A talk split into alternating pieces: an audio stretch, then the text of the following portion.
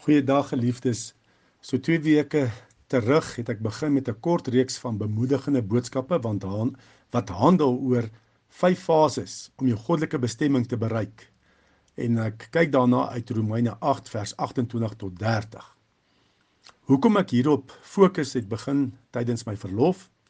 Tydens my verlof het ek baie nagedink en gebid oor waar lê my veiligheid en sekuriteit in hierdie vinnige veranderde wêreld weens COVID-19.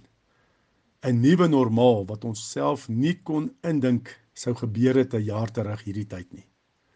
En weer eens het die Heilige Gees my gelei om te besef my veiligheid en sekuriteit lê in die uitleef van my goddelike roeping om in God se wil en plan vir my lewe te wees. Kom ons lees nou weer Romeine 8 vers 28 tot 30. Ons weet dat God alles ten goeie laat meewerk vir die wat hom liefhet die wat volgens sy besluit geroep is. Die wat hy lank tevore verkies het, het hy ook bestem om gelykvormig te wees aan die beeld van sy seun, sodat sy seun baie broers kan hê van wie hy die eerste is.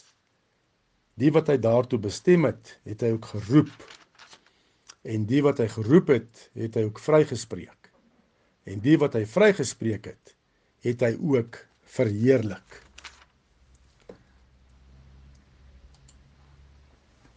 So 2 weke terug het ons inleidend gesien dat God bedoel goed met jou lewe. Net dis waarna ons moet vashou. Ehm um, eerstens as dit gaan oor ons roeping. God bedoel goed met jou lewe. En Paulus beklemtoon hierdie feit in Romeine 8 vers 28 as hy skryf: Ons weet dat God alles ten goeie laat meewerk vir die wat hom liefhet, die wat volgens sy besluit geroep is. So het ons duidelik gesien uit die geskiedenis van Josef dat jy jou hoop nie op gunstige omstandighede en mense kan plaas as dit gaan oor jou roeping nie. God gebruik alle omstandighede, positiewe en veral die negatiewe, om ons te vorm sodat hy nog groter dinge in en deur ons kan doen in hierdie wêreld. So is Josef as slaaf verkoop deur sy eie broers en in die tronk gegooi voordat hy die onderkoning van Egipte geword het. Hoop wat gefestig is op gunstige omstandighede sal jou baie keer teleurstel. Maar wanneer ons hoop gefestig is op die liefde van God, dat hy goed bedoel met ons lewens en ook karakterontwikkeling, dan sal ons nooit teleurgestel word nie. En dan gaan Paulus nou verder in Romeine 8 verse 29 en 30 en gee vir ons basiese 5 fases om by jou goddelike roeping of jou goddelike bestemming uit te kom.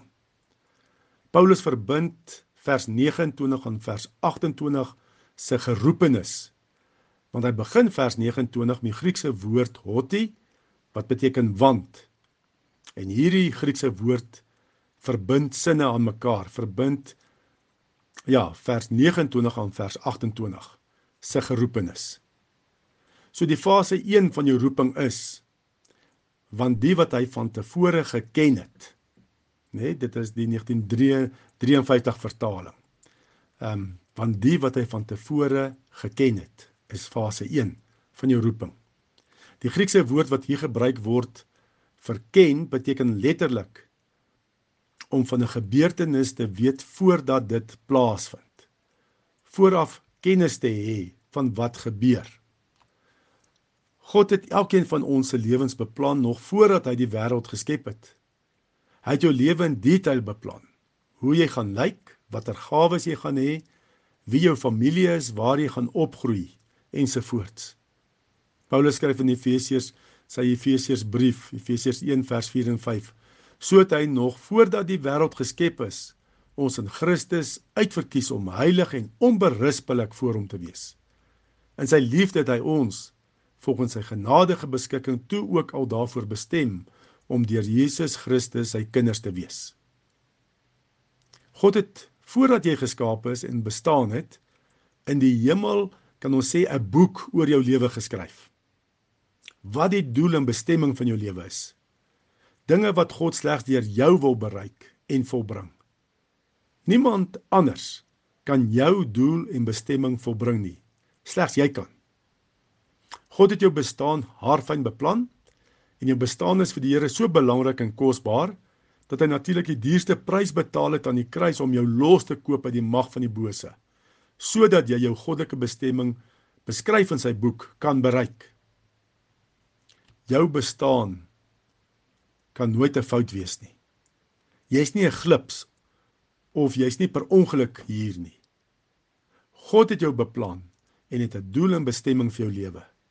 Hy gee sy Heilige Gees aan jou sodat jy met sukses jou skepingsdoel kan bereik. Ook skryf Paulus in Efesiërs 3 vers 20 aan hom wat deur sy krag wat in ons werk magtig is om oneindig meer te doen as wat ons bid of dink. Niks kan ons verhoed om ons skepingsdoel te bereik nie, selfs nie die bose nie of verkeerde slegte omstandighede nie.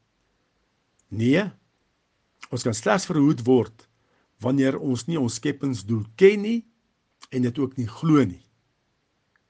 Kom ons vra die Here om dit vir ons om vir ons ons skepingsdoel te openbaar. Kom ons bid saam. Dankie Here dat U eh, 'n boek geskryf het oor elkeen van ons se lewens. Dat U 'n plan en doel met ons lewens het en dat ons bestaan van die begin af deur U beplan is. Openbaar aan elkeen van ons wat ons goddelike bestemming is sodat ons dit gelowig kan nastreef. Ons vra dit in ons koning se naam, Jesus Christus. Amen.